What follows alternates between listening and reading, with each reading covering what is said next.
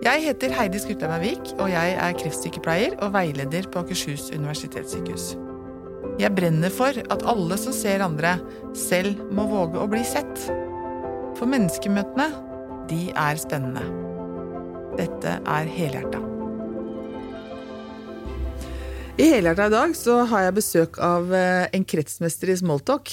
Det er veldig gøy. Så dette her, denne timen her kommer til å gå kjempefort. Eh, velkommen til deg, Torbjørn Olsen. Tusen takk. Nå skal vi skravle mye.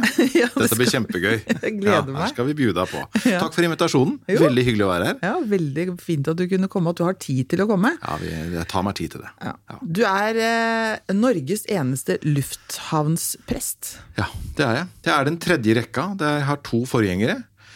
Ragnvald Seierstad, som eh, begynte når Gardermoen åpna i 98. Han var veldig mange år. Og så kom en som het Per Christian Bandlin. Og så har jeg vært eh, lufthavnprest i fem år.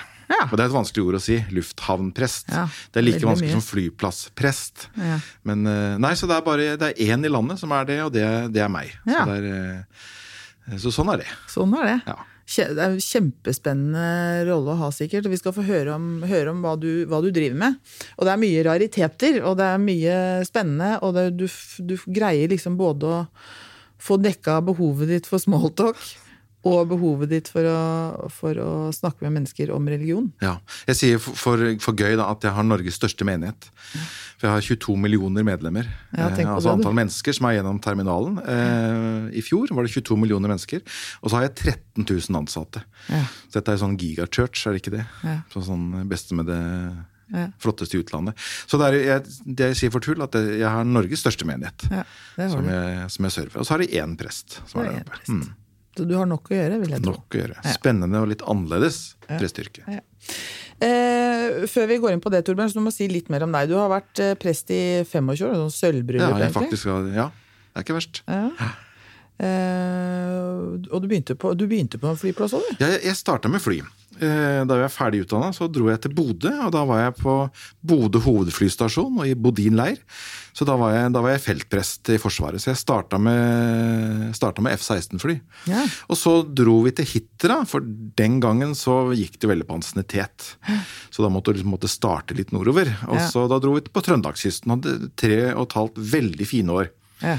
på, på Hitra. Og så eh, sa kona mi du skal ikke bare legge inn en søknad for å se om du krabber opp på lista, da, sånn ansiennitetsmessig. Og da søkte vi Den gang var det kapellanstilling i Hakadal, eh, bare for å se liksom, hvordan jeg lå an. Og jammen jeg fikk jeg ikke jobben. Så i Hakadal så har jeg vært sogneprest i eh, nesten 17 år. Så det har vært ganske trofast eh, på min post. Og og etter å ha vært sogneprest i veldig mange år, så tenkte jeg at nå må vi kanskje prøve noe annet. Enten må jeg bli til evig tid i Hakadal, eller som gjør noe annet. Og så dukka altså denne lufthavnpreststillingen opp, eh, og da søkte jeg, og så og fikk jeg den. Mm. og det er ikke bare fordi jeg har vært prest i Hakadal, men jeg har også vært noe som heter LRS-prest for Romerike politidistrikt. Altså en prest som er tilknytta politimesterens stab. Eh, og det var jeg i 13 år. Til Romerike politidistrikt ble nedlagt. Hva, hva, gjorde, du- hva gjorde du da? Da er du en rådgiver for politimesteren eh, i hendelser, i ulykker og større ting. Kriser. Kriser. I, i, eh, nå er det, nå er det flytta til Ski, og under eh, raset i Gjerdrum så var det en som satt, en prest, eller prosten, satt hos politimesteren nede på Ski og var rådgiver. Så det er en, eh, et sånt eh, nasjonalt utbygd system. Okay. Så når Romerike politidistrikt ble nedlagt, så, så tenkte jeg at da holdt det for min del. Så da, da eh, takka jeg for meg der. Og så, så det er nok litt av kanskje grunnen til at jeg fikk Gardermoen-jobben. Ja. For det er mye beredskap, og det er mye krisehåndtering. Ja. Når jeg begynte, så sa Avinor Jeg har et oppdrag, nemlig, Ja, fra Avinor. De sa eh, du skal forberede deg på den, på den store krisen, og i mellomtiden skal du løse alle de små. ja. Så fin Fin arbeidstittel. Ja. Kjempefint. Så det holder jeg på med. Ja. Nesten så jeg har lyst på jobben din sjøl, jeg. Ja. Vi trenger en sykepleier. Jeg skulle gjerne hatt en sykepleier. Ja, Så jeg har førstehjelpsskrin og delt ut masse plaster og Paracet. Har dere ikke noe førstehjelp? Nei, da, blir, da bruker vi det offentlige. Så da blir de sendt til legevakta eh, på Jessheim, eller så blir de sendt til Ahus. Mm. Så, eh, så sånn er det bare. Så vi må, må løse alt. Ja. Ja. Så alt den var borti, eh, har den bruk for. Så jeg, mens jeg studerte, så jobba jeg på Bekkelagshjemmet. Ja. Eh, og er god på det meste, og, og det har jeg også hatt, uh, det har hatt, hatt bruk for mange ganger. Ja.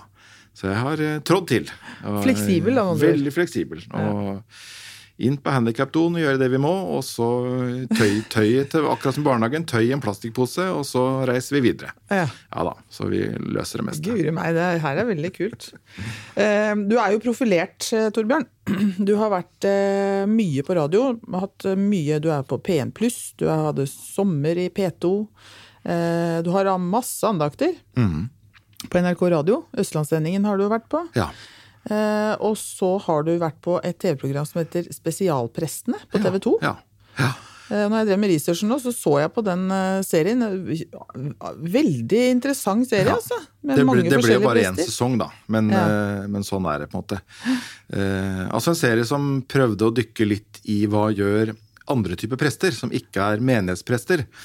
Og da er, det da er det forsvars, eh, en som er i Forsvaret, en politiprest, han er også bare én av mm. i Norge, og sykehusprest eh, og fengselsprest, og så var det meg, da, som var lufthavnprest. Så det var på en måte å gi et sånn innblikk i annerledes øh, prestejobber Ja. eh, var det et, eh, et tiltak for å vise litt av det. Så eh, det var jo artig å ha kamera på slep, men det er mye jobb. ja, det er mye, mye planlegging. Mye planlegging, ja. Ja. Eh, jeg, tenker, jeg tenker jo det at eh, vi, de fleste nå tror jeg er klar over at sykehusprester er ikke som andre prester. Mm. Eh, det er liksom ofte mer et Fungerer ofte mer som et medmenneske som er Mm. god å snakke med. Og det er jo sikkert sånn det er med dere andre typene, også fengsel og lufthavn og alt. Eh, alle disse prestene. Forsvarsprester og alt. Men eh, så jeg, lurer, altså jeg lurer litt på da, hvordan, hva er det som gjør at dere er annerledes? Hvordan er du skrudd sammen? Hvilke skruer er som er brukt på deg, Torbjørn? Ja, godt spørsmål. Eh, ja, veldig godt spørsmål. Jeg, jeg gjør begge deler, jeg. Ja. Og det, det er det som er fint med min jobb. For jeg er 70% på Gardermoen, og så er jeg 30% i Gjerdrum. Ja. Som, som, der bor jeg, så det er jeg veldig glad for. Som, som, som, eh, for å avlaste sognepresten i Gjerdrum, så tenker jeg at jeg er hans lille kapellan. Som eh, avlaster han med begravelser og gudstjenester og ta, sånn at han kan eh, Mm. Før raset så var jeg også litt i Nannestad, men etter leirraset så er de 30% av bare Gjerdrum. Ja. Så, så jeg får på en måte være litt sånn vanlig menighetsprest også. Ja. Og så er jeg mest på Gardermoen. Men hva slags skruer er det brukt på meg? Du, jeg tenker at jobben på Gardermoen er ikke jobben for en nyutdanna. Det har jeg Nei. tenkt i mange år. Du bør ha litt ballast. Du bør ha vært uh, uten vinternatt før. Eh, fordi du er borti så mye rart som du må håndtere, og som du må finne ut av, og som du må løse. Så det er en jobb som passer for en eller ei med litt erfaring, har jeg tenkt. Mm. For du er borti såpass mye spesielt, og folk kan være utagerende. Og jeg har blitt skjelt ut på russisk og engelsk og norsk. Og, og så står det plutselig en sinna amerikaner der som ikke får bagasjen sin, og så blåser han i hvem jeg er, for jeg er der og har oransje vest på meg. Ja. Så du må, du må tåle ganske mye. Ja. Det er mye fyll, det er mye Ja, så, som, som du må løse. Ja. Eh, Du må være skrudd sammen at du er utadvendt. Ja. Det, det, det må det være. ja. Må være god. Det bør være Du- nesten kretsmester i smått bør være ganske, i hvert fall lokal. Ja. God til det, altså. For, for du må kunne prate med folk. Eh, Du må drive oppsøkende virksomhet. Mm. Eh, Du treffer folk i alle situasjoner, så du må kunne drive smalltalk både på, på, på norsk og på engelsk, helst. Mm. Eh, og så kommer den plutselig noen som skal prate tysk, og så må du hente fram skoletysken. ikke sant? Og da, da må du grave litt dypt i skuffen. Og det er ikke lett å komme Du på tysk. du må rett og slett ikke være så redd for å drite deg ut. Nei, eh, nei, for da, så vidt. nei da, og kommer langt med peke. Og lenge leve Google Translate. Det har Ja. redda meg mange ganger. Fantastisk. Og Ja. Da kan vi plutselig snakke bulgarsk og, Ja. og alt mulig språk, plutselig. Så det er helt fantastisk. Ja. Det har redda meg mange ganger. Gud, så Når du står der spennende. med, ja, jeg står der med, med husker Her tidligere står jeg med tre ukrainske damer som skulle med toget. De kunne ukrainsk, og den ene kunne litt italiensk. Men vi klarte det. Google Translate, dette fikk vi til. Vi fikk sendt de av gårde, og de var så lykkelige og kom seg dit de skulle. Så, så, så det meste kan løses med moderne teknikk. Um, utadvendt uh, må det være, og du må være Og jeg har tenkt veldig på det. Jeg må være synlig, og jeg må være tilgjengelig. Eh, jeg prøver å sitte så lite jeg kan på kontoret, og så må jeg ha en runde i terminalen hver eneste dag. Ja. For, liksom for å kjenne at jeg, at jeg lever. På terminalen så er det avgangen? Det er eller avgang og ankomst og gater og he, hele flyplassen. Så jeg, jeg går rundt overalt. I taxfree-en og øh, overalt. Så mm. og da går jeg alltid med, med rundsnipp, med presteskjorte. Sort presteskjorte, eh, og så går jeg med en sånn oransje eh, vest hvor det står 'lufthavnprest' på ryggen. Eh, og da er på en måte, tenker jeg at jeg lever av synlighet og tilgjengelighet. Ja. Og da skjer ofte magien, for da tar folk kontakt. Eh, og det er noen sånne, sånne hellige øyeblikk som plutselig kan åpenbare seg når folk plutselig skjønner hvem de prater med. Så jeg har slutta å peke når folk spør om hvor er ditt og hvor er datt. Men så, hvis jeg har tid, og det, det tar jeg meg tid til, da følger jeg folk dit de skal. Ja. Hvis du peker, så går de ti meter, og så er de like forvirra. Ja. Så må du spørre igjen. Så da har jeg begynt å følge folk. Da går jeg med de, og de er jo supertakknemlige Ja, er over å, å bli fulgt. Eh, Da skal du hit, nei, men da skal, du, skal vi finne gaten til deg. Skal vi gå der, men da skal vi gå til billettkontoret til SAS. Skal vi ordne det. Og da kommer jo samtalen i gang. Ja. Da begynner folk å prate. Ja. Og så plutselig ser de at det er en prest, og da har de på en måte alenetid. Ja. Helt for seg sjøl. Med en prest som de helt sikkert aldri vil se igjen. Og Mm. da kan jo jeg få fortellinger som de aldri har fortalt til noen før. Mm. For da er det en mulighet som byr seg. Eh, litt sånn the power of now. Nå Mm. skjer det. Nå er det en mulighet. Og da begynner folk å prate.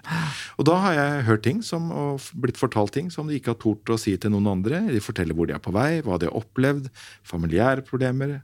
Og, og veldig ofte sorg. Sorgtematikk. Eh, og det kan være religiøse ting.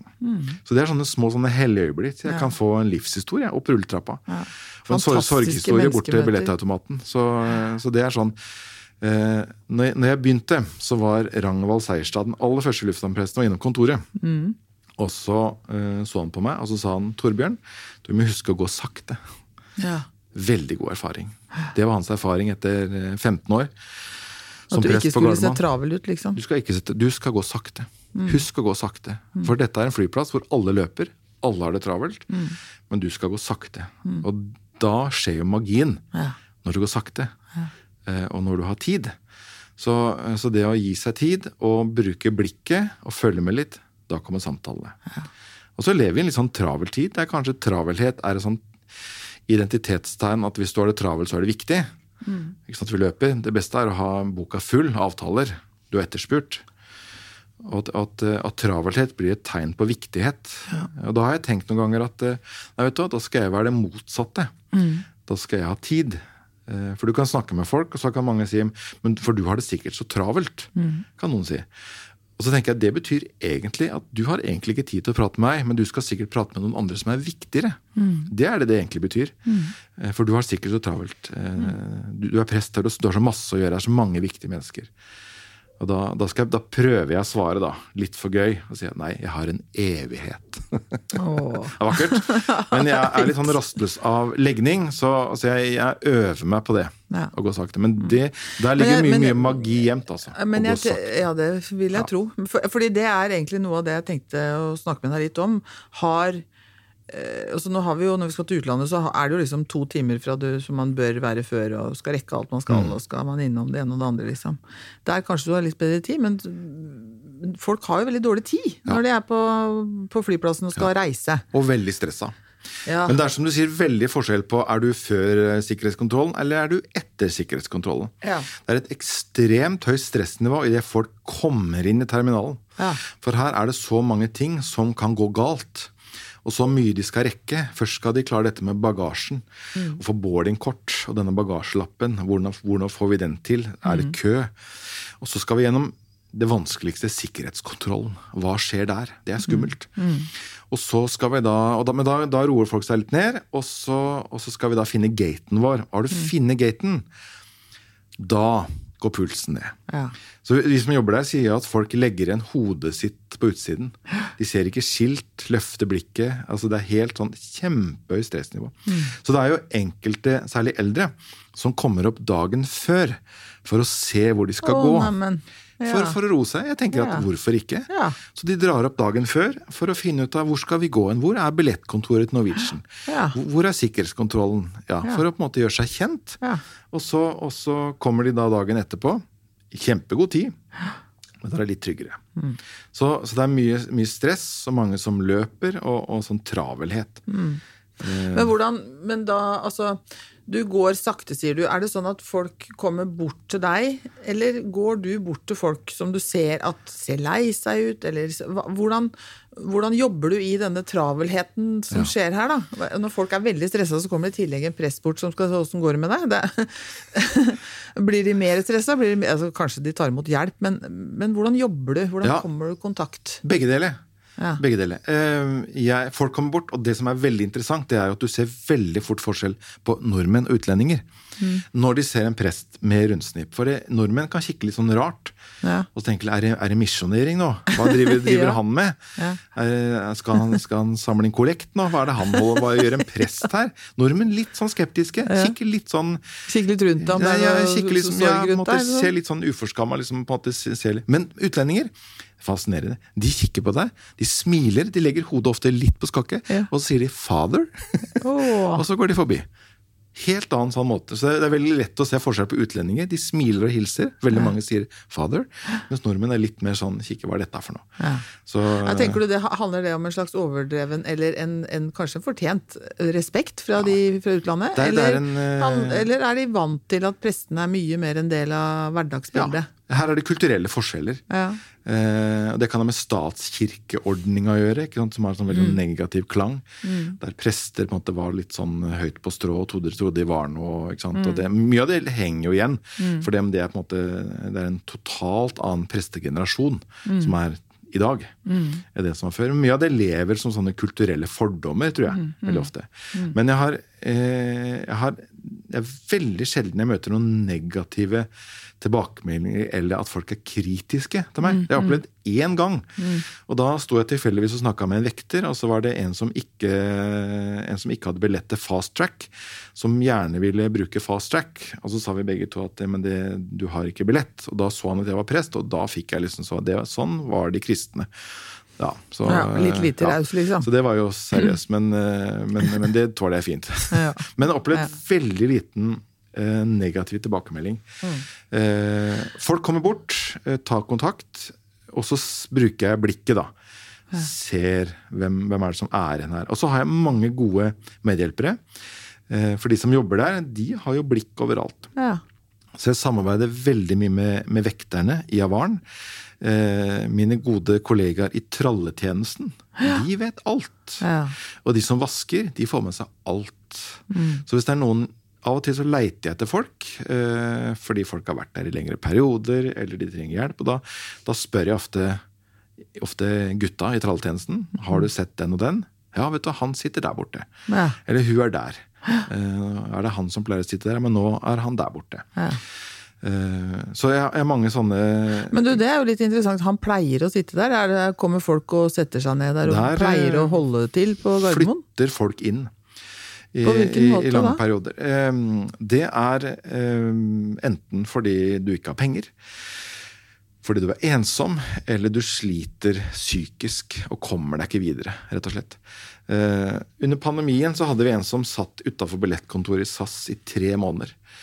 Han flytta inn der i mars, og så ble han sendt ut av politiet i mai. Og da hadde han sittet der altså i mars, april, mai. På Fordi han ikke hadde noe sted å bo? Da hadde han, eh, jeg tror han hadde leid ut huset sitt, og så kom seg ikke videre pga. pandemien. Men rekorden er jo på Charles de Gaulle. Der bodde det en i terminalen i 18 år. Nei. Som, eh, han er det jo laga en film av som heter Terminal, Ja. av Tom Hanks. Men ideen er altså han som eh, satt der i terminalen. I, han kom som flyktning, hadde rota bort papirene sine og kom ikke videre.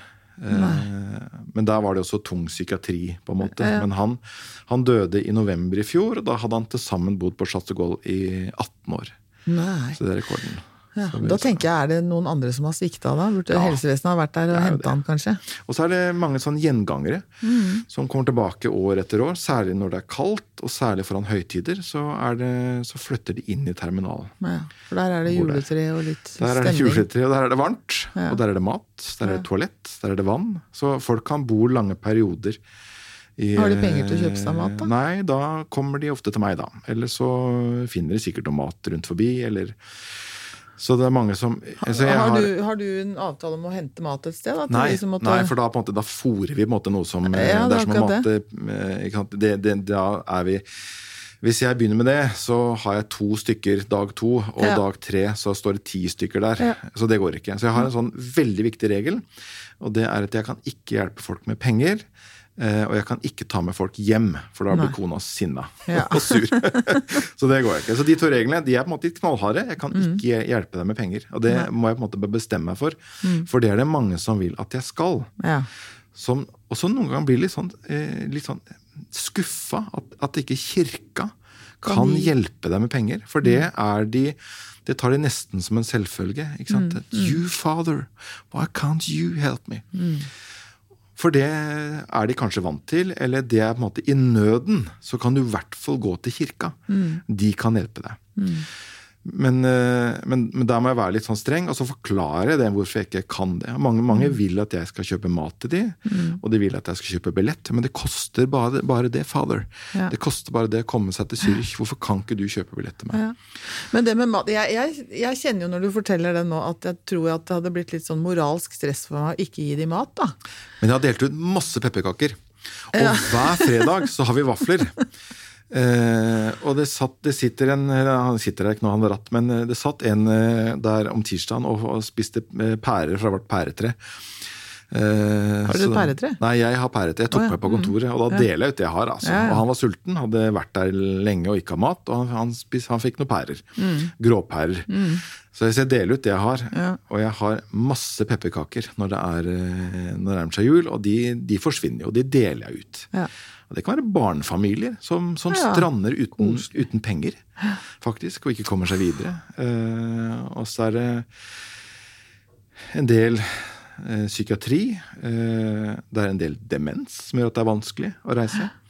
Men, men når de strander, altså, da, da blir de der fordi de altså, det, er, det er jo så mange som kan hjelpe til å, å ordne opp i papirer, og det er jo, jobber jo mye folk Ja. på, på Gardermoen. Ja, men det er Men eh, vil du ha hjelp? Og så er det ikke så mye vi kan gjøre med enkelte. Nei. Eh, er det en politisak? Ja, men politiet har prøvd. Du har blitt eh, bedt om å forlate området. Du er tilbake igjen for n-te gang. Så jeg har veldig godt samarbeid med politiet og med Avinor og med vekterne. eh, der ting havner på mitt bord når alt annet er på en måte prøvd. Her, han har vært her så og så lenge. Kan du hjelpe han? Hva gjør vi da? Nei, Da prøver jeg å løse det uløselige. Og det er litt sånn utfordring noen ganger. Hvordan, hvordan skal vi få deg videre? Og da, det, da må jeg prøve å finne hvorfor er du her? Hvor har du vært? Hvor skal du? Hva har du av relasjoner? Eh, har du familie? Kan vi prøve å ringe til familien? Ja, noen ganger så ringte vi familien. Vi hadde en, en utlending her i eh, tre uker siden, og så hadde mista alt. Hadde ikke penger. Eh, hva gjør vi? Ringer mamma. Ja. Og jeg hørte han fikk kjeft. Oi. Han fikk så ørene flagra. Så må, det gikk ikke. Så da måtte vi ringe videre. Da ringer vi arbeidsgiver, tidligere arbeidsgiver eller kommende arbeidsgiver. Eh, Kan du kjøpe billett? Han står her, han har mista alt. Eh, Han har eh, rota det bæsj, han han han har drukket opp pengene. Kan du hjelpe han? Eh, Så da må vi bruke nettverket, og vi sender også en del ned til Oslo S. Til Kirkens Bymisjon driver noe som heter Sporet på Oslo S. Ja. Og de er jo gode på ambassadekontakt, på Nav-kontakt. Og istedenfor å bygge opp en kompetanse på Gardermoen, så sender vi det til de som har kompetansen. ja, det er Da bruker vi de som er gode på det. Ja. Og sporet på Oslo S er gode på det. Så da får de en sånn liten rød brosjyre, eh, og så, så er det jo da hvordan komme seg ned. Har du, til, har du penger til toget, eller du, blir du kasta på Lillestrøm og så må du snike deg videre? Det, det løser seg alltid. Eh, og så, um, noen ganger så kommer de tilbake igjen. Um, noen ganger så har de prøvd det, og noen ganger så ser vi ikke noe mer til dem. Så jeg tenker at det, det å bruke de som er gode på det, det så, så vi, vi sender en del ned til Oslo S. For de har kompetansen. De kan dette. Betyr dette her at, at du jobber nesten mer eh, med diakoni Ja. enn med annen type prestearbeid? Jeg tenker at dette er en veldig diakonal jobb. Det er Ja. veldig Forklar hva diakoniet, det Diakoni er på en måte er. kirkens omsorgstjeneste. Ja. eh, Er, er det vi kaller for diakoni. Mm. Eh, Og det, jeg tenker at jeg driver i kirkens omsorgstjeneste. Jeg, må være praktisk retta. Jeg må løse ting. Mm. eh, Og med den så kommer også praten og støtten og alt eh, sjelesorgbiten. Men det er veldig mye praktisk. Hvordan løser vi dette her? Ja. Mm. Hvordan skal vi få deg videre? Mm. Hvordan skal vi skaffe penger? Hvordan skal vi få billett? Alt dette her. Ja. Og så er det jo en annen eh, ting som jeg har i hvert fall lurt veldig på. Det er jo når noen dør. Mm. Eh, når de er på ferie, da. Ja. Så dør de, og Ja. så kommer det en kiste, og så kommer det en pårørende. Ja. Hva skjer med kista, sånn helt praktisk? Det Og skjer, og pårørende, for så vidt, Ja, nei, det skjer, ofte, det skjer oftere og oftere. Fordi at det er en eh, Det er ikke noe hemmelighet i at det er en godt voksen generasjon som reiser, og som har reist veldig mye. Eh, og det hender at det er dødsfall eh, på, når de er på ferie. Og da kommer eh, kista som frakt, altså. Den Mm. er i buken på flyet og blir behandla som frakt. Eh, kista blir satt på et eget rom. I flyet? Nei, Nei, den, på Gardermoen. den blir på, på Gardermoen. Ja. Eh, den, er, den blir ofte tatt inn litt sånn seint eh, på flyet, så, så den blir behandla som bagasje, på en måte. Men blir behandla veldig respektfullt. Eh, og så blir den kjørt da, står det på et eget rom hos eh, fra, frakt, eh, fraktfirma. Eh, og så kommer da byrået og henter kista. Så først når byrået henter kista, så er de pårørende involvert. Ja, for de kan ikke liksom Hvis, hvis min En av mine foreldre hadde dødd mens de var på ferie, så Mm. kunne ikke jeg gått og møtt kista. Nei. Nei. Det var sånn før, men det var rett og slett litt for sterk påkjenning for de som driver med frakt. Ja. Og skulle forholde seg helt praktisk. Eh, altså en kiste kommer på gaffeltrucken, altså. Helt praktisk. Eh, og så ha da en gjeng med pårørende som står der. Det ble for vanskelig. ja, det kan jeg forstå. Det er, her er det for stor sprik, på en måte, mellom eh, så, så de pårørende kommer først inn i bildet når mm, byrået henter kista, og da avtaler de med pårørende. Men jeg har hatt folk som vil vite når flyet lander med sønnen. Eh, og hjelpa med det. Eh, da han, han er død, han døde i utlandet. Jeg vil vite hvilket fly kommer han med. Jeg vil se flyet lander, for jeg vil vite at han er tilbake i Norge. Ja. Og det kan jeg hjelpe, hjelpe til med. Ja. Og så er det men, Så den som er død, er på en måte død. eh, og, og blir på en måte tatt hånd om. eh, det er ca. 100 kister hvert år som blir sendt fra Gardermoen, og så er det ca. 100 kister som kommer til okay. Gardermoen det er hvert år. såpass, ja. Men det jeg jobber mest med, er jo de pårørende. Ja. Eh, De som da sitter tilbake, eh, og som kommer aleine hjem. Eh, Og da har jeg en sånn rutine på det at da får jeg ofte beskjed fra selskapet at eh, det og det har skjedd. Mm. Og da møter jeg pårørende i gaten ved flyet. Ja. Ofte så vet også kabinpersonalet har jo tatt veldig godt vare på de, for de vet jo hva som Ja. har skjedd. har fått Ja. beskjed om det. Mm. De kommer ofte, de går ut ofte til slutt. Alle andre har gått ut. Og da står jeg og møter de i gaten ved flyet, og så følger jeg de gjennom gangen. Altså hvis vi skal gå vi må gjennom den passkontrollen, Mm. Det å hente bagasjen, alt dette her. Eh, hjelper de, er på en måte fasiliterer, legger til rette, sørger for at dette går så smooth som mulig. Eh, og så ut og bestiller taxi og får de videre. Eller ivaretar de hvis de skal videre til Tromsø eller Bergen eller Kirkenes. For da kan det at de skal være der en periode. Så da legge til rette for at de er godt ivaretatt. Det må du jo synes er veldig godt når de er i sorg. Og Ja, det at, at det står en prest som, Ja, som venter og Ja, at vi kan Liksom. legge til rette. Og da, da bruker jeg veldig ofte stillerommet som ligger på gate A10. Mm. Og Innlandsterminalen, der har vi et kapell. Og der har jeg evakuert ganske mange mennesker. Eh, enten at det er det, eller at de ringer. Og istedenfor å sitte og gråte, på en måte, mens du sitter sammen med de andre og venter på å gå om bord i flyet, så har jeg sagt nei, vet du hva, da, da går du til A10 opp trappa. Der er et kapell.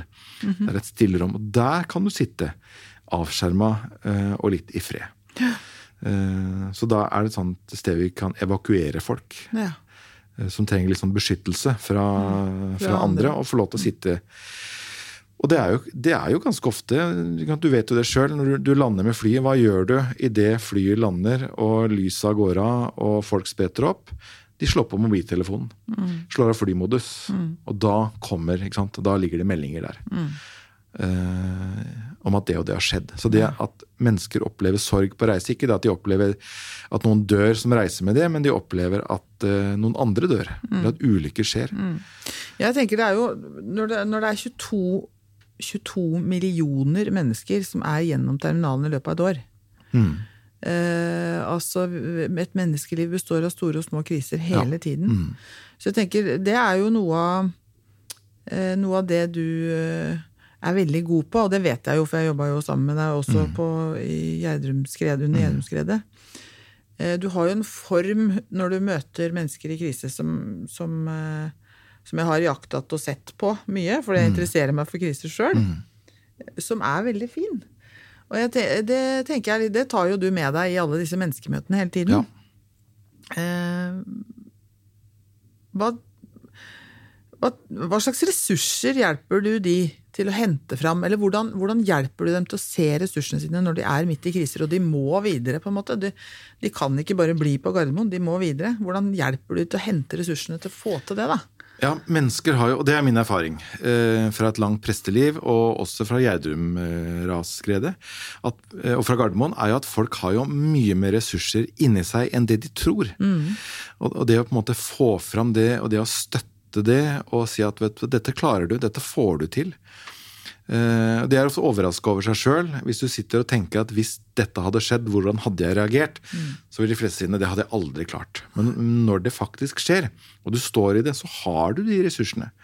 Og den ekstreme evnen til å hva skal jeg si, til å løse ting og til å komme deg videre, er veldig fascinerende. Når du først er der, og, og på en måte livet gynger litt og knaker i sammenføyningene, så har du ekstreme krefter inni deg til å komme videre. Eh, Leiras i Gjerdrum er et veldig godt eksempel på det, der folk dag to hadde allerede bestilt ny bil, hadde fått sted å bo, videre, videre, videre. Ekstrem kraft og evne til å komme seg videre. Og alt det du har, ligger i rasgropa. Men likevel så kommer du deg videre. Du har bestilt, du har, tatt, du har snakket med forsikringsselskapet, du har avtalt det, du er videre. Og den ressursen også når folk møter død og sorg og vanskelige ting skjer, så, så, så, så går det på en måte. Og da er det min jobb å støtte og legge til rette. Og, øh, altså det er jo ikke noe magi. Men, men det at det folk er takknemlige for, det er at noen er der med de. Og da er det nødvendigvis ikke det du sier, eller, eller? Det, det, det er ikke noe sånn magi, men du er der. Og du støtter de, og de vet at de får hjelp. Og bare det, da, kan, da går stresset litt ned. Ja, altså, jeg, jeg tenker nok at noe av det som eh, er litt sånn Det er, det er ikke noe magi, men allikevel magien i det som skjer, da. Det tror jeg eh, ofte kan være for deg. Jeg, jeg har ikke oppskriften, men jeg lurer på om det har noe med at du er så raus. Du er ikke noe dømmende. Du liksom, uansett følelser man måtte ha, da. Ja. Om du er sinna, du sa jo du tåler å få kjeft. ikke sant? Ja. Altså, om du, er, om du, har- om du har, er sinna, om du gråter, om du raser, om du er eh, stille, om du er eh, kataton nesten Mm. av en krise, så vil ikke du bli stressa av det. Nei. Du viser med hele deg at du tåler det. Ja. Gjør du det bevisst? Eh, eller så er jeg bare sånn. Ja. Det er ikke, det er ikke, det er ikke påtatt, det. men det- er nok kanskje sånn. Og det er på en måte Hvordan reagerer en i en krise? Det er jo interessant.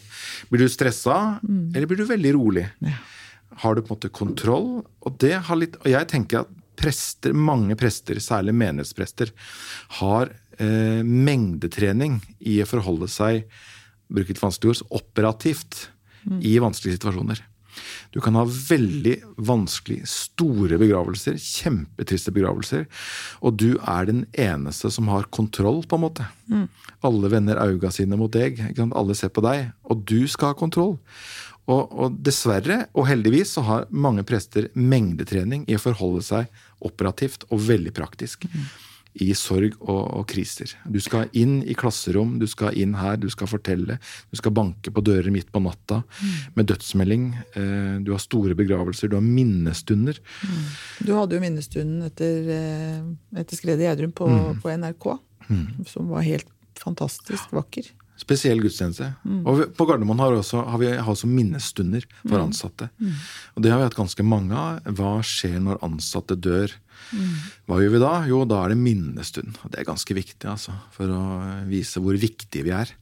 At vi utgjør en forskjell. Ja. Eh, og en, et tema som jeg syns er veldig interessant, det er kollegasorg. Ja.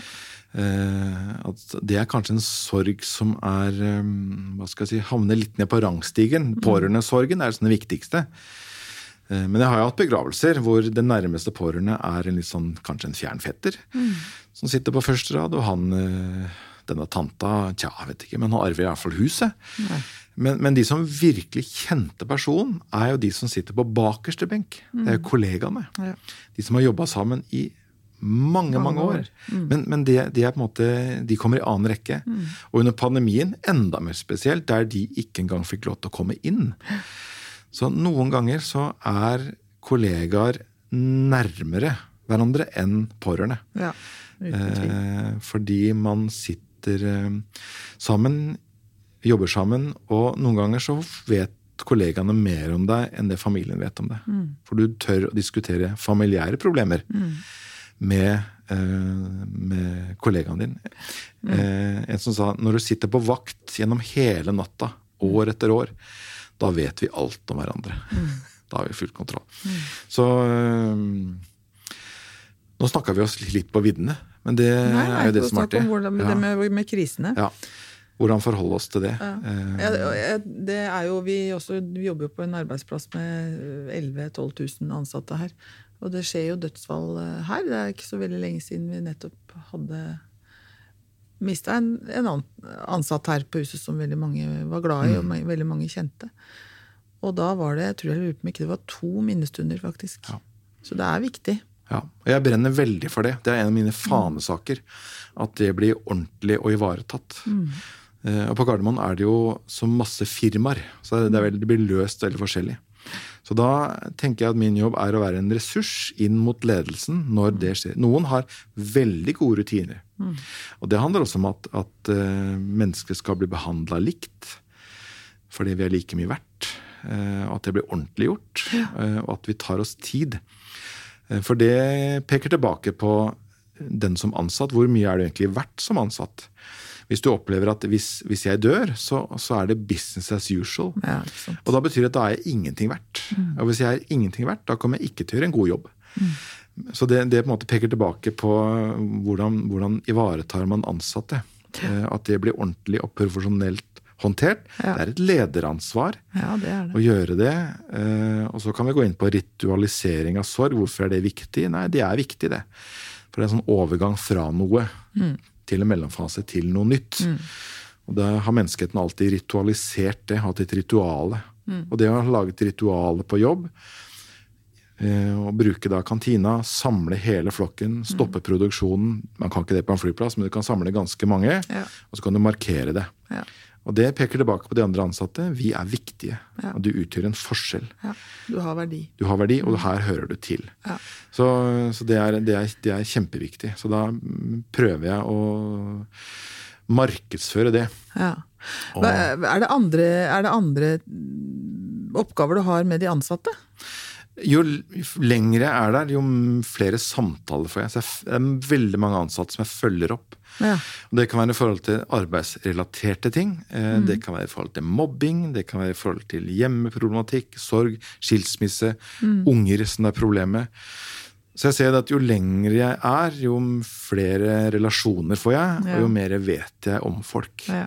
Og så, på TV så var det jo til og med hadde dåpen til barnet til en pilot. Det var en, en, en eh, kaptein i SAS. Mm som, eh, som eh, skulle ha dåp. Så ja. da fiksa vi det. Men da, da var vi i Håvin, da. Ja. Så, mm. så, vi har ikke så mange dåp på Gardermoen. Vi har, vi har bryllup på Gardermoen. Ja. Så det er eh, Hvem er det som gifter seg da? Er det ansatte eller er det reisende? Det er begge deler. Det er, vi har hatt ansatte som har gifta seg i lunsjen.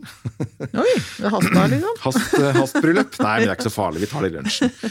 Altså, det er eh, en del par som gifter seg. Det er jo ikke 25-åringene, men det er 50-60-åringene. Ja. Ofte for andre eller tredje gang. eh, Og de vil jo ikke ha med svigermor og ha stort, hvitt kirkebryllup. De hadde, vi hadde helt enkelt. Så de trenger en anledning til å gifte seg, og det er at de skal ut og reise. Ja. Og da blir den reisen plutselig en bryllupsreise. Ja. Så da gifter de seg på Gardermoen. Eh, Vi ordner alt av papirer, og de blir registrert i Håvind og Jessheim sogn.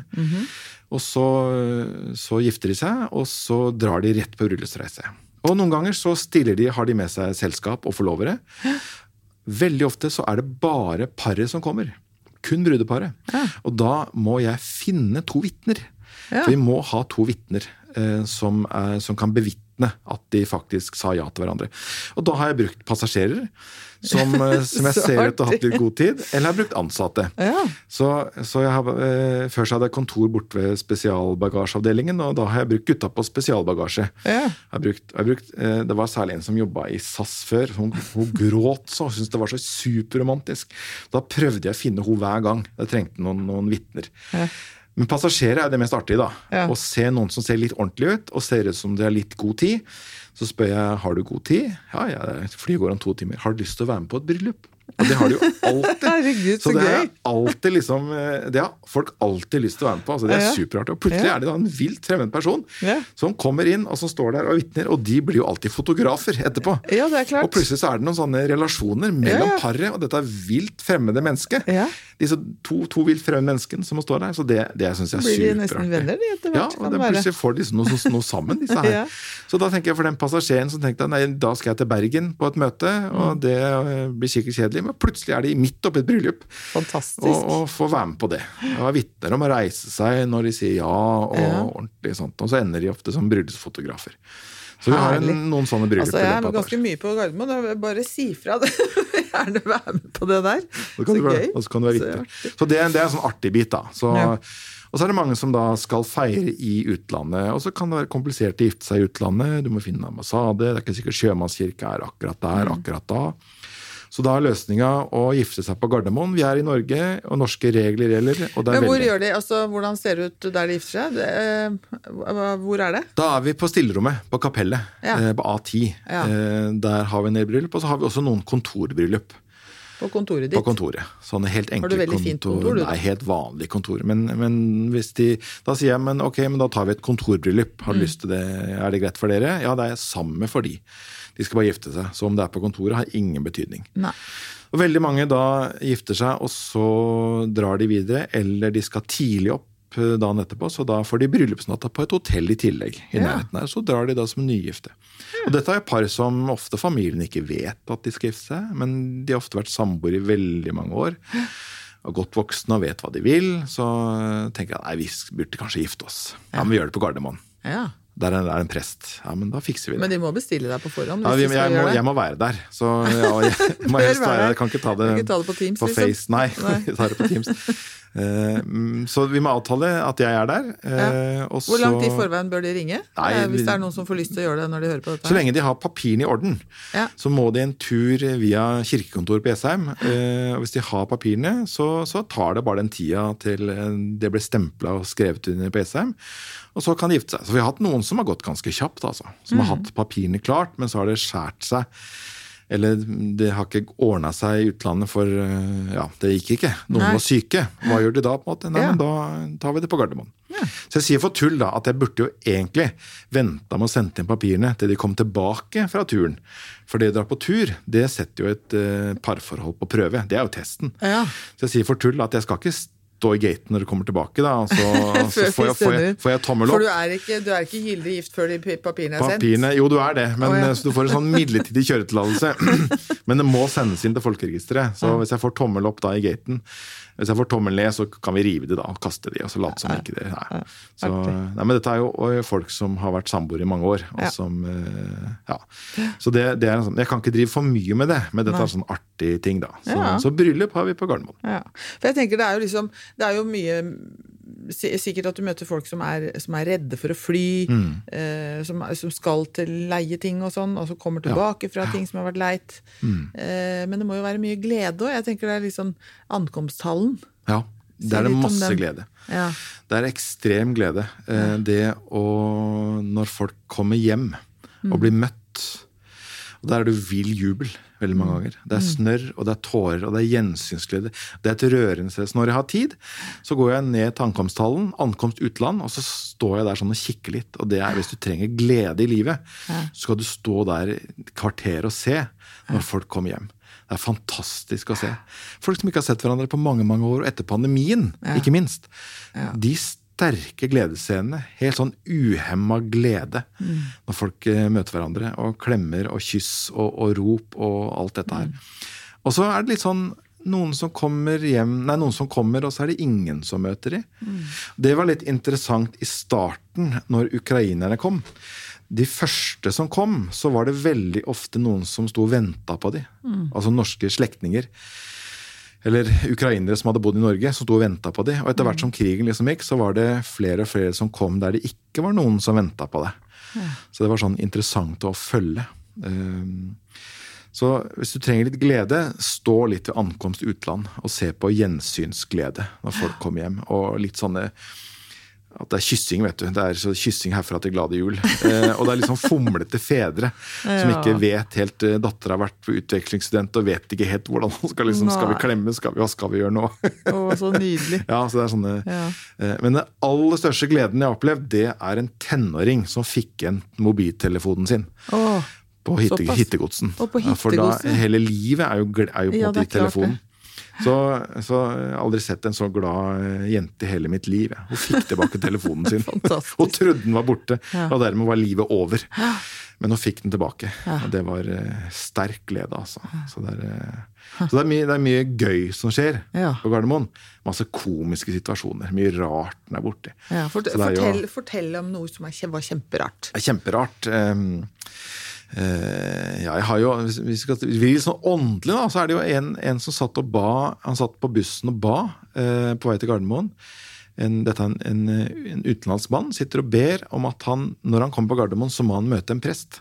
Oi. Han sitter og ber om det på bussen. Eh, og så, hvem er den første han treffer, da? Gjett. Det var deg. Da treffer han meg. Og vi var jo like overraska begge to. Ja. Han var veldig overraska. Aller første personen han traff, det var meg. Yes. Eh, og så Han forteller jo hva han akkurat har sittet og bedt om. At Ja. han måtte treffe en prest, og ta-da, der var jeg. Ja. Det, det, det, da Ja, da kan han begynne å lure litt. ja, faktisk. Så det var jo på en måte en sånn sterk opplevelse både for han eh, og for meg. Eh, og så er det mye sånn komikk. på måte. Jeg hadde to eh, østeuropeere er en stund siden som de var ganske fulle. Ganske fulle. Høy promille, og så hadde de vel en 1000 kroner. Og de skulle hjem. Du, men du kom ikke hjem. To stykker. Mm. De kom seg ikke på flyet, liksom? Nei da. Nei, for det er en del de var for fulle. masse, sa du på før masse, sending. Ja, masse fyll. Eh, Så de kom seg ikke dit. De, og så sendte jeg dem ned til sporet på Oslo S, Kirkens Bymisjon. Så dagen etter var de tilbake. Like fulle, men Nei. da hadde de 250 kroner. Så Enda mindre Dette gikk liksom bare én vei. Og så hadde han ene kjøpt en PC. eh, Og hadde kvitteringa. Så da drar du ned til Power, og så sier du at du var ikke helt fornøyd med denne PC-en. Ja, det var smart. Det var smart. Og så kom de seg av gårde. Eh, Men det er veldig mye fyll, og det er veldig mange som ikke kommer seg på flyet. Fordi de er for fulle. De blir nekta, rett og slett. De utgjør en risiko. Herregud, så trist. Så det er, eh, du sa det, er, det er liksom en del som nesten har det som sånn ritual at man skal det er om å gjøre å bli mest mulig eh, drita full før er, dra. det er skal noen fra noen land der man kan liksom lure på om er dette liksom en sånn eh, noe du gjør. At du feirer på en måte at du skal hjem. Eller feirer at Jeg vet ikke. Men det er en, det er en drikkekultur, og det er kulturelle forskjeller. Det er jo også et problem at nordmenn. Og et veldig stort problem er jo utagerende, uregjerlige passasjerer. Det har jo økt veldig under pandemien. Der folk er uregjerlige. Og ikke kan oppføre seg. hvilken måte da? Ja, De kan være voldelige, de kan slå, de kan kjefte. De kan, Er de dopa, da? Eller på ja, narkotika? er det fyll. eller? Ja, veldig ofte er det fyll. Eh, eller bare generelt sinna og irritert. Eh, så det, det er blitt et problem. Eh, sånn unruly passengers eh, har økt veldig. Og hvorfor det? Hva er på en måte grunnen til det? Ja. Men det aller siste nå er at vi i, eh, i sommer, eller på seinsommeren nå, har hatt et prøveprosjekt. Vi har nemlig fått oss flyplasshund. Ja, på du, Ja, det så jeg faktisk her på en, heter en hun. avis. Så det er jo kjempe, et kjempeartig prosjekt. Eh, Og det er jo bevist at eh, hunder og det å kunne klappe og kose litt har en beroligende effekt. Ja. Og det er jo også i det store utland, så er det jo, fins det jo terapihunder. På, Og vi fant ut eh, han Henrik, da, som eier denne hunden, han hadde også googla litt, og det, i USA så finnes det en terapigris Nei. som yes. du kan klappe. Ja. Ja. Så, så Yata, eh, hunden og Henrik de går da rundt i terminalen. Så vi har hatt det som et prøveprosjekt, og nå håper vi at det blir fast ordning på det. Ja, altså. for det har dere sett at har hatt effekt? Det er en fantastisk effekt. Og folk som har flyskrekk, kommer bort og forteller at de har flyskrekk. Ja. Og at det å liksom kunne, kunne klappe og kose har en beroligende effekt. Ja. Men det, vi er jo vant til å se hunder på Gardermoen, men de går rundt og snuser etter eh, narkotika eller hva Ja. de måtte snuse etter. Ja.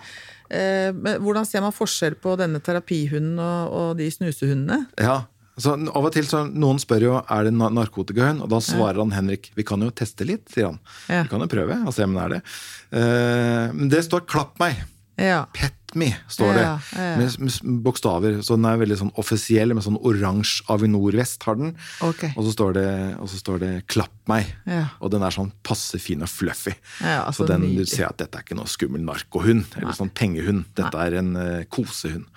Så den innbyr til å, til å bli klappa. Og så er det også et avbrekk for barnefamilier. Hvis du havner i Mm. Flyet er forsinka eh, mange timer, at det da kommer en liten flyplasshund som du kan klappe, er jo en sånn kjempefin Mm. Er, er eh, eieren, avledning. eller han som, eh, han som er ute Mm. med denne hunden, eh, er han kan han være en man kan snakke med også? Er Ja, han du kan sikkert klappe han òg. han er sånn fin og skjeggete, så du kan sikkert Ja. gi han en klem også. Ja. Hvis trenger Men han er trent på å snakke Han- med folk hvis han de jo- skulle komme fram han ting mens de klapper. Kjempedyktig. Så det er jo ikke bare, det er ikke bare Iata hun, det er jo også Henrik. Som er, de er kjempedyktige. Så, så, Så det er sånn artig prosjekt som jeg jobber med nå, som jeg, jeg håper blir videreført. Så, så nå er, liksom, er det nå er det rulla ut da, i sosiale Mm. medier og sånn. Så, Særlig på Instagram så er han veldig ivrig. Så der eh, kan følge flyplasshunden Iata. Ja. Artig prosjekt. Apropos det, eh, Torbjørn. Nå skal vi litt tilbake til deg. Mm. Eh, du, er, eh, du er profilert. Du har vært mye i media. Eh, både aviser, radio, TV. Og du har gjort det bevisst. At du har profilert, profilert deg. Eh, hva, hvorfor, hvorfor har du gjort det? Jeg tenker jo at eh, kirka lever av synlighet og tilgjengelighet.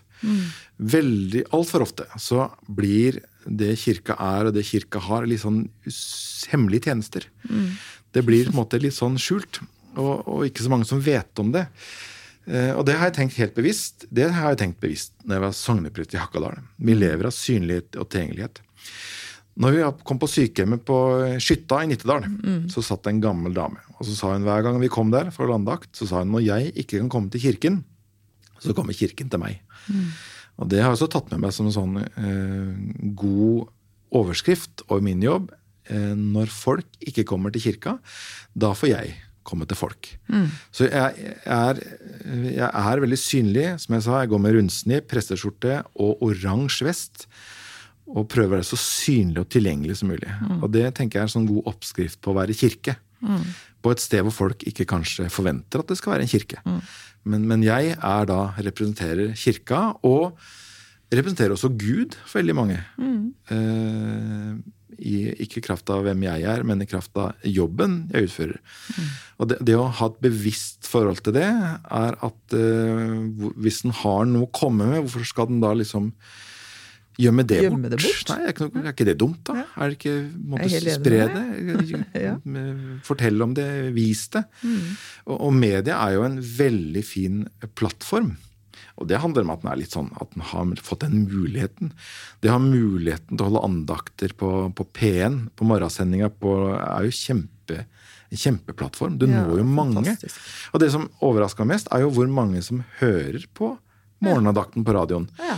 Av mennesker som jeg aldri ville trodd hadde hørt på morgenandakten. Men for mange så er dette et fast rituale. De sitter i bilen, de sitter ved frokostbordet. Så hører de på dette her. Og så får de med seg den lille andagsstunden. Og så er det veldig artig med tilbakemeldingene Ja. som en får. Jeg må jo si det at folk. når jeg gjorde researchen, så hørte jeg på åtte av de andaktene du hatt på NRK på P1. Eh, P1 ja. eh, så er jo De er tre minutter Mm. Ja. lange. Det er jo ikke noe lange sånn Jeg husker jeg, når jeg vokste opp med en morfar som øh, holdt, var mye prekener. De prekenene varte jo og rakk i tre kvarter time. Dette er tre minutter. Tre minutter. Og så det du er så god på, da, det gjør du jo ellers også, når jeg har hørt deg i flere forskjellige ulike forbindelser, så setter du alt sammen inn i en kontekst i forhold til livet vårt. Sånn at det blir så dratt ned og Mm. Ja. konkret. Mm. Det må være gjenkjennbart. Ja. Veldig viktig Du er gjenkjennbart. at det er veldig god sånn historieforteller, da. Ja, og det må, på en måte, det må gi gjenklang i folks liv. Og historie er viktig på de Mm. tre minuttene. For folk lytter til en historie. Hvis du skal begynne å forklare for mye, så skrur de over på, på P4. Ja. Men, men du, en fortelling, folk hører fortellingen. Hvordan gikk det egentlig med det? Hvordan var det med det der? Hvordan endte det? Og så kan du vente med poenget til slutt. ikke sant? Så kan du si noe annet midt imellom mens du, Mm. får, mens du har oppmerksomheten. Så det, det må jeg berømme NRK for. Det er de kjempegode på. De vet jo hva som fungerer på radio. Eh, og så, Det er mye musikk på morgensendinga, og så midt i der sånn skal det være tre minutter med prat. Da er det fort at folk skrur av. Hvordan holde på folk, da? Så det, de, NRK vet jo hvordan holde på folk, og det er via fortellinger. Og noen sånne hvordan, hvordan gjør det. Så, så sånne andakter de blir sendt inn, og så blir de, eh, så blir de finpussa. Renvaska. og så eh, blir de spilt inn eh, ofte en uke eller to før. Ja. Så mange, mange tror at jeg sitter i NRK-studio og leser på morgenen, men det gjør jeg ikke. altså. Det er spilt inn på forhånd. Ja. Så, mm. så, så, så jeg er stadig overraska. Og jeg treffer også folk på Gardermoen som har hørt på andakten. Og som 'Jeg hørte på deg da. Ja, det var fint.' Og så er det tilbakemeldinger. Så jeg tenker at skal det angå, skal troa angå folk liv, så må, du, så må du snakke om ting som angår folk. Ja. Og det må, man må gi en gjenklang i livet. Og da er det veldig ofte gjenkjennelse. Og typer situasjoner har vært borti. Og en, og en god fortelling er jo aldri umoderne. Nei. Ja. Aldri. Så, så jeg hører nok at Østlandssendinga syns det er litt mye prat, så de spiller ofte veldig sånn kul musikk rett etter på andakten. For å holde for å, som- for å som, ikke, ikke huke inn lytterne. Ja, Ja. Så, mens NRK Innlandet og sånn er litt mer sånn traust og spiller noe sånn rolig musikk etterpå. Ja. Så det, er, eh, det blir løst forskjellig. Ja. Torbjørn, du gir veldig mye. Eh, både til de menneskene du møter eh, på jobb hver dag på Gardermoen, eller om det er i Gjerdrum som eh, menighetsprest der, eller på radio, eller ja, i alle menneskemøtene når du er på jobb, i hvert fall, så er du, gir du hele tiden. Hva, hva trenger du? Hva er det som Hva trenger du når du skal Når du Ja, hva trenger du? Mm. Hemmeligheten er jo at jeg får jo mer enn jeg gir. Det gjør magien her sånn. Eh, Så det, det å gi, eh, det er fint. Men du får jo så ekstremt mye tilbake ved å gi. Den effekten er sånn. Og mm. det er jo en sånn eh, Hva er det du får metta da? Eh, hva jeg får metta? Jeg får eh, Jeg får eh, Jeg blir betrodd ting. Og det syns jeg er fantastisk. Jeg, blir på en måte invitert inn i menneskers liv. Eh, og høre ting og bli fortalt ting som kanskje de ikke har sagt til noen andre før. Og det handler om. Jeg får tillit. Jeg blir betrodd, og den skal den forvalte med ganske stor klokskap. kjempeviktig. Hvordan forvalter man det? Der skal man være ganske ydmyk, for du blir invitert inn i noe som eh, ikke så mange blir invitert inn i. Det gir meg mye å få den tilliten, eh, å bli betrodd den tilliten, det, det gir meg mye. Og så eh, tenker jeg jo også at det som er det viktigste, er jo humor. Ting var morsomt. Og det mest tragiske er jo ganske morsomt. Ja, det er det. Så eh, også når du sitter der eh, i, i, i katastrofen, så er det mye morsomt, altså. Mm. Og galgenhumor. Og det, det er også sånn litt kjeppest, altså. Det har jeg snakka om mange ganger, men altså humor som vaksine mot tunge tider, det er viktig, altså. Mm. Det er. Mm. Under pandemien, om det er sykdom, galgenhumor. Jeg husker på, til og med på Olavsgård, rett etter en så forferdelig krise som det var, så var det faktisk ganske mye latter Det var kjempemye humor. Mm. Der folk så, så på en måte Der de ser liksom huset henger, og bilen står der, Ja. og, og de kan liksom le av det. Altså, det, det er jo supertragisk. Men midt i det tragiske Mm. så har du likevel blikket til å se, liksom, ser det morsomme i det, og vits om det. Over, overlevelseshumor. Ja, og det er, det er Ja. så deilig at Ja. det er sånn. At eh, en, en fikk melding på telefonen at bilen, bilen Det var noe galt med bilen. Så Mm. på appen, og den lå da mange meter ned i gjørma. Ja, ikke sant? Du må se litt sånn skrått på Ja, det. ja. Ja, og det, det, ja. Men, Så- og skrått, og, og samtidig når man har den respekten. Så, og alle, var, alle der de var liksom i samme, i samme situasjon. Ja. Så går det helt, helt godt an. Ja, ja. Det er ikke sikkert noen utafra Nei, de vil reagere veldig på det. Og, og mange pårørende opplever det. Mm. eh, Der du kan sitte og på en måte ha det ganske, og snakke om morsomme episoder fra den personen som er død. Mm. Ja. Men så står en nabo og ringer på. Han, naboen er helt sånn bleik og helt Ja, eh, ja. Og tenke liksom hva driver de med? Hva liksom? sitter og ler? Ikke Ja. sant? Ja. Så det er litt sånn internhumor. Ja. Og det er en del yrker også. Og jeg, og jeg tenker at det er noe av det, noe av det som er så viktig å forstå når man skal jobbe med kriser. Mm. At, eh, at det der er- skal det være stor plass til. Ja, det er det. Det er jo Men, ja. men nå snakker vi oss igjen bort Ja, fra nå deg, da, bort ja. Torbjørn. Fordi ja. du får ved å gi. Ja, men og den er er jeg med på. Jeg er Ja. med på den. For det, det har jeg opplevd sjøl i så veldig mange år. At Ja. jeg får så masse tilbake. Ja. Men allikevel, da, Torbjørn. ja, hvor er det jeg har? Greier du, å, greier du å ta imot noe? Ja, jeg, jeg øver meg på det. Og Ja. det er ganske viktig. Uh, å ta imot folks positive tilbakemelding. Fordi du skal ikke devaluere eller nedvurdere folks tilbakemelding. Når folk sier at ja, men jeg synes, jeg synes du er, jeg synes, den begravelsen syns jeg var kjempeflink, den synes du var kjempegod. Nei, jeg skal si nei, det var ikke det. Ja, men du skal ikke, den, Deres Nei, følelse, skal ikke det. deres følelse er jo det.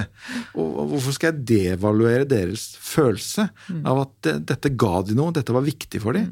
Og det handler om respekt. Ja. Så kan vite sjøl at ja, men det tok den litt på strak arm, og det fiksa vi sånn, men det landa likevel ganske greit. Men du skal ikke devaluere folks tilbakemelding, for den er ektefølt. Og de har et behov for det. Så det, det, er, det må vi nok øve på alle sammen. Å ta imot positive tilbakemeldinger.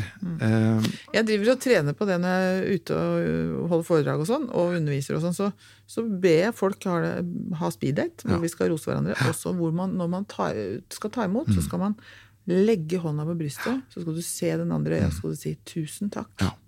For da virkelig tar det Ja. inn, på en måte. Ja.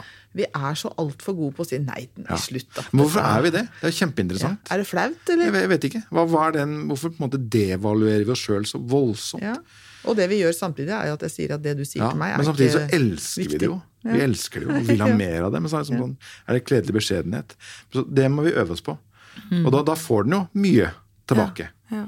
Eh, respons. Eh, sant? Om det er foredrag, om det er andakter, om det er begravelser. Men eh, greier du å slappe av av og til? da? Legge bort jobben? Ja, Kjempegod på det. Hva gjør du da? Da drar jeg til Kragerø. Ja, for det har jeg egentlig tenkt å spørre deg om. Du er født og oppvokst i Kragerø, og så har du flytta til Hakadal. Ja, altså, jeg må jo bare si, hvordan går det an? Det er bare to og en halv time til Kragerø. Så når jeg, når jeg hadde fri på mandager, i min vanlige, når jeg var vanlig prest eh, i Hakadal, så dro jeg ofte ned på mandager. Sendte minstemann på skolen, og så dro jeg av gårde. Så, da, så, så der, der eh, kan jeg Der, der eh, kan jeg gjøre noe annet. Og det har jeg et behov for gjennom hele prestelivet, er å gjøre noe annet. Ja. Gjøre noe helt annet. Og da er det vedhogst og eh, skraping av vei og gressklipping og masse sånne ting. Så da koser jeg meg. Mm. Da, da, er jeg, da er jeg helt avskrudd, på en måte. Da, jeg av, da, lader jeg batteriene. Jeg, jeg er mye i Kragerø. Ja, så bra. Ja. Eh, det er viktig for deg. Og så tenker jeg for familien din, da. Eh, fordi at eh, jeg har hatt en morfar som har hatt nesten samme virke som deg. Eh, og han var Alle elska han. Og han elska alle, så det var ikke det. Men han var jo så mye rundt i Norges land og holdt på. Ja. Og det var så mange andre mennesker som ville ha sin bit av han. Eh, Så, så vi, vi bare syntes det var helt fantastisk når han ble 80 år og ikke orka å reise mer. Ja, ikke sant? Eller 75 år, da. Ja. Så er, er det plass til Får den, plass, får den nok biter av deg Ja. hjemme hos deg? Ja. Nå, nå, etter jeg begynte på Gardermoen, så har jeg et helt annet helgeliv. Ja. For når du er vanlig sogneprest på bygda, så har du ganske mye gudstjenester. Ja. Og så er det bryllup på lørdag, og så ryker søndagen, for da er det gudstjeneste. Så da jobber du da tre av fire søndager. Og så ryker den siste søndagen opp. på en måte. Men nå har jeg bare én søndag i måneden i Gjerdrum. Så kona mi sier ja, men de er 20 år for seint, sier hun. Så nå er jo unga store. Nå klarer de seg stort sett uh, sjøl. men uh, han, uh, kona mi sier på 17. mai må du snakke med alle.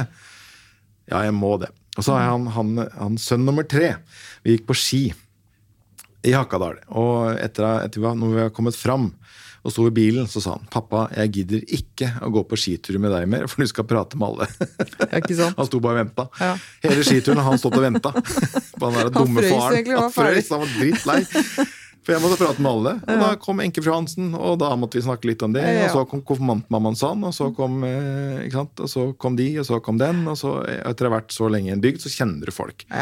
Og folk stopper og prater. De forventer at eh, Presten stopper, ja. presten stopper. Så prester handler jo veldig ofte på butikken når de vet at ikke det er så mange andre der. For det kan ta lang tid. For Da kan du ha litt sjelsorg borte ved kjøttdisken, og så møter du konfirmantmammaen i kassa, og så møter du han enkemannen på vei ut. Det kan, så da kan ting gå ut på dato før du kommer ut av butikken. Ja. Så, så, så da må du handle et annet sted, eller så må du Så kona mi sier Være litt travel i, i. Kona bevegelsene. kona mi sier du kan jo bare si hei. sier Ja. Ja. Ja, så det, det er ikke så lett, det der. altså. Nei, jeg Folk skjønner stopper, det. Du kan ikke bare si hei. Du Ja, må, jeg skjønner det. prate. Jeg har lagt merke til eh, han, eh, han som er sogneprest i Gjerdrum. Jeg ser at når han har litt fart i kroppen, Mm. Så skjønner jeg at ok, nå har han litt dårlig tid. nå må han noe nå, nå er, og han, det er veldig tydelig forskjell på når han har tid til å snakke med folk i butikken eller ikke. Og jeg tror det er kjempesmart å ha de signalene, da. For han er aldri, ser aldri avvisende ut. Nei. Uansett. Men det er ikke alle som catcher det, da. Men, men sånn er det bare. Nei, det er det sikkert Så, ikke. men da må du være god til å Apropos litt det er, på um, smalltalk, og litt parere litt, og så nei, du, nå må jeg Ja, ja. ja. Så det Jeg syns det har vært litt moro å, å, å legge merke på det på en måte, i forhold til kommunikasjonen. Ja. Uh, Torbjørn, Torbjørn, du, er, eh, du, er, eh, du, du har en arbeidshverdag og en hverdag og, hvor du møter masse medglede. Eller altså, du, du får lov til å være med i medglede og medfølelse. Altså medsorg, da. Uh, jeg er veldig, veldig opptatt av at vi eh, vi, er jo, vi er jo relativt gode mennesker generelt på å være medfølende. Stort sett så er man det. Eh, men da tenker vi liksom bare at det skal være sorg og leie og triste ting. Og så når jeg snakker om, eh, rundt omkring og snakker om medglede, så blir folk litt sånn Hæ? Hva er det? Eh, og, så, og så blir jeg litt undrende til hvorfor er det så ja, Det er kanskje et nytt ord som, som jeg har lagd, på en måte, eller som, som noen av oss snakker om, men, og som ikke er så mye brukt. Men det sier seg jo egentlig sjøl. Det er ikke så vanskelig ord. Mm. Men er det vanskelig å føle ektefølt medglede? Har vi plass til det? Ja, tror du ikke det, da? Ja, jeg tror jo det, Glede men hvorfor er det så, hvorfor Ja. er det så Hvorfor blir folk så overraska når vi snakker om det? Og medglede. Å glede, glede seg med andre. Ja. Det er jo en kjempestor glede. Ja, Å kunne glede seg til ting, og glede seg med andre. Eh, Med andres forventningsglede. eh, framgang eller lykke eller Det er ikke misunnelsen som på en måte sniker er seg inn. er det det? Jeg, håper, jeg håper ikke det. Ikke heller, men det Så, er, så det er bare å blankpusse det begrepet, og, og løfte det fram og opp. Glede jeg synes seg. medglede er du så er jo- fint ord. Du får jo mer glede, da. Hvis du bare skal glede deg over din egen glede, så er det litt stusslig. Men tenk å kunne glede seg sammen med andre. Mm. Ja. Da får du dobbelt og trippel. masse. Ja. Ja. Så det er kanskje noe vi må øve oss til. Skal du være mer glad, så må du glede deg med andre. Da Mm. har du større sjanse til å bli glad. Unne andre mennesker å skinne og Ja. vokse og være glad og være lykkelig. Og da tror jeg altså det å Gleden ved å hjelpe Et godt eksempel på det er jo i Nittedal så er det et prosjekt som heter Prosjekt takknemlighet. Det er ungdom som har det litt vanskelig. Eh, Ikke nødvendigvis får mer hjelp, men de er ressurspersoner for andre barn. Det er sånn et barnehjem i Øst-Europa. Der de plutselig blir ressurspersoner. Mm, så bra. Og da skjer det jo noe magisk. Når den som liksom bare alltid skal få hjelp, plutselig er den som hjelper. Da skjer det noe. Plutselig er de ressurspersoner. Og det gir jo ekstremt mye tilbake. Av sjølfølelse, identitet, alt dette her. Så det er kanskje Der tror jeg det ligger en skatt begravd. Kanskje ikke nødvendigvis mer hjelp, men eh, snu på det, da. Du er også en ressurs. Du kan også bidra. Og det, det gir ekstremt mye tilbake. Ja, Det gir glede. ja det gir glede. Torbjørn, eh, kommer du til å fortsette å jobbe lenge på Gardermoen? Ja, jeg tror den har vært der i fem år. Eh, Så jeg blir nok en del år til, tenker jeg. Men det, jeg vet ikke. Nå har jeg det kjempefint med variasjonen Oslo lufthavn, Edrum. Kjempefin kombinasjon, og så får vi se hva, hvor veien går videre. Men akkurat nå så har jeg ingen planer om å gjøre noe som helst annet. Så Det er bra. Ja. Vi trenger deg der. ja, så nå Hvor er kontoret ditt? hvis noen har er lyst til å gå dit? ved ankomst utland. Der gleden er. Rett vis-à-vis Peppes Pizza. Ja, oppi, Der er- nei, nei, det er nede. etasje. Det er en stor informasjonsavdeling. Ja, der, ja. Eh, Bak der sitter jeg stort kontor. Så, og der er det, Hver fredag så er det vafler på, til de ansatte. Så moralen er uansett hvor trist det er, så kan vi alltid trøstespise litt. ja. Og det funker. ja. Så da er det sosialt eh, og høy Litt sånn sjømannskirkestil. Da er det vafler Ja. og kos. Ja. Ja. Koselig. ja. Kjempebra. Vi har en eh, liten post på slutten av eh, episodene her, eh, Torbjørn, som er spørsmål om Hvis du skulle gitt deg selv et råd eh, da du var 18 år, hvis du hadde hatt muligheten til å hviske deg selv noen kloke ord, Mm. hva hadde Torbjørn eh, hatt behov for å høre, tror du? Veldig interessant spørsmål. Eh, det har jeg ikke tenkt så mye på, men, eh, men det er noe jeg har tenkt mye på generelt, og det er at noen eh, blomstrer fort, mens noen blomstrer sakte. Ja. Så eh, De fleste sier at de, de ville aldri vært 16 år igjen, eller kanskje aldri 18, da begynner kanskje å komme seg. Men veldig få ville hatt ungdomsskolen en gang til. Færreste ville hatt videregående en gang til. ikke sant? Men, men, men eh, som råd til meg sjøl som 18 år, så vil jeg på en måte si eh, slapp av. Eh, det er, alle har sine faser i livet. Og, og for dem du ikke er den kuleste akkurat nå, så, så kan du bli det. Ja. ja. Du var en late bloomer. Slapp. Jeg var en late bloomer, ja. Ja. Hadde ikke noe hast med noen ting. Og skulle egentlig bli noe helt annet. Hva skulle du bli? Men jeg skulle bli lydtekniker. Og skulle, hadde holdt på med, med band, og, band og nærradio i Kragerø. Og kor. Holdt på masse og båret kilovis med trommesett og lydutstyr. Ja. Så jeg skulle på noe som het Norsk lydskole i Oslo. Og så kom Gud og sa nei, nei, nei, nei, du skal ikke bli det. Nei. Du skal bli prest, du. Ja. Oh, ja, ja, men får jeg bli det, da. Åssen sa han det? Nei, det var bare en ek- ekstremt sterk følelse om at, eh, eh, det skulle jeg. Da hadde jeg måtte, vokst opp i et kristent ungdomsarbeid, altså, så det var ikke helt uh, lyn fra klar himmel. Men, uh, men da tok livet liksom litt annen retning. Og så tenkte jeg ja, da skal jeg bli det. Ja. Og så ble jeg det. Men så, så har jeg båret veldig mye lydutstyr, og veldig mange trommesett, altså. Ja. Etter det også. Da du Spiller du trommer ennå, Jeg spiller trommer ennå. Så vi hadde siste, Da spilte jeg trommer i et barnekor. Ja. Og da var det ikke noe sted å lagre trommesettet. Nei. Så da hadde jeg det i karavellen. Ja. Stor karavell er stor bil. Og da hendte det Jeg glemte at jeg hadde et trommesett i bilen. da er det stor bil. Oi, her står det et trommesett! Så det sto der liksom fra tirsdag til tirsdag. Ja. Så, men nå er det lenge siden jeg har spilt trommer. Ja. Så, så det var siste, siste oppdraget. Ja. Så er det noen som trenger en trommeslager, så har vi altså en her. er bare ringe.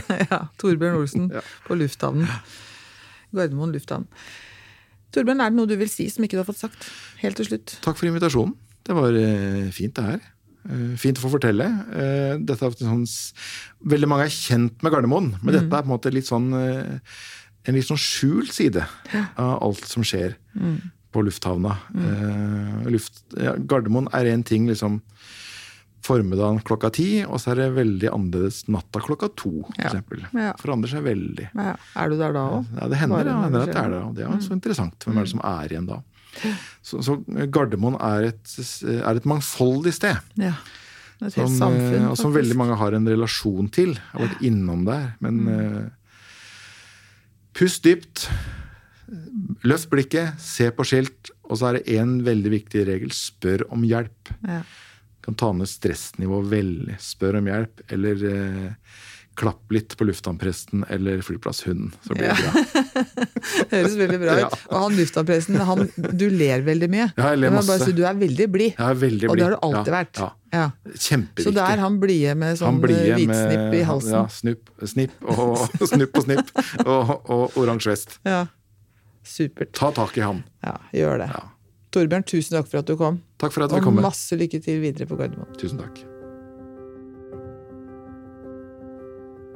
Helhjerta er en podkast fra Kompetansebroen, en digital plattform for kompetansedeling i helsetjenesten. Personer som blir omtalt i pasienthistorier, er enten anonymisert eller har gitt samtykke til deling.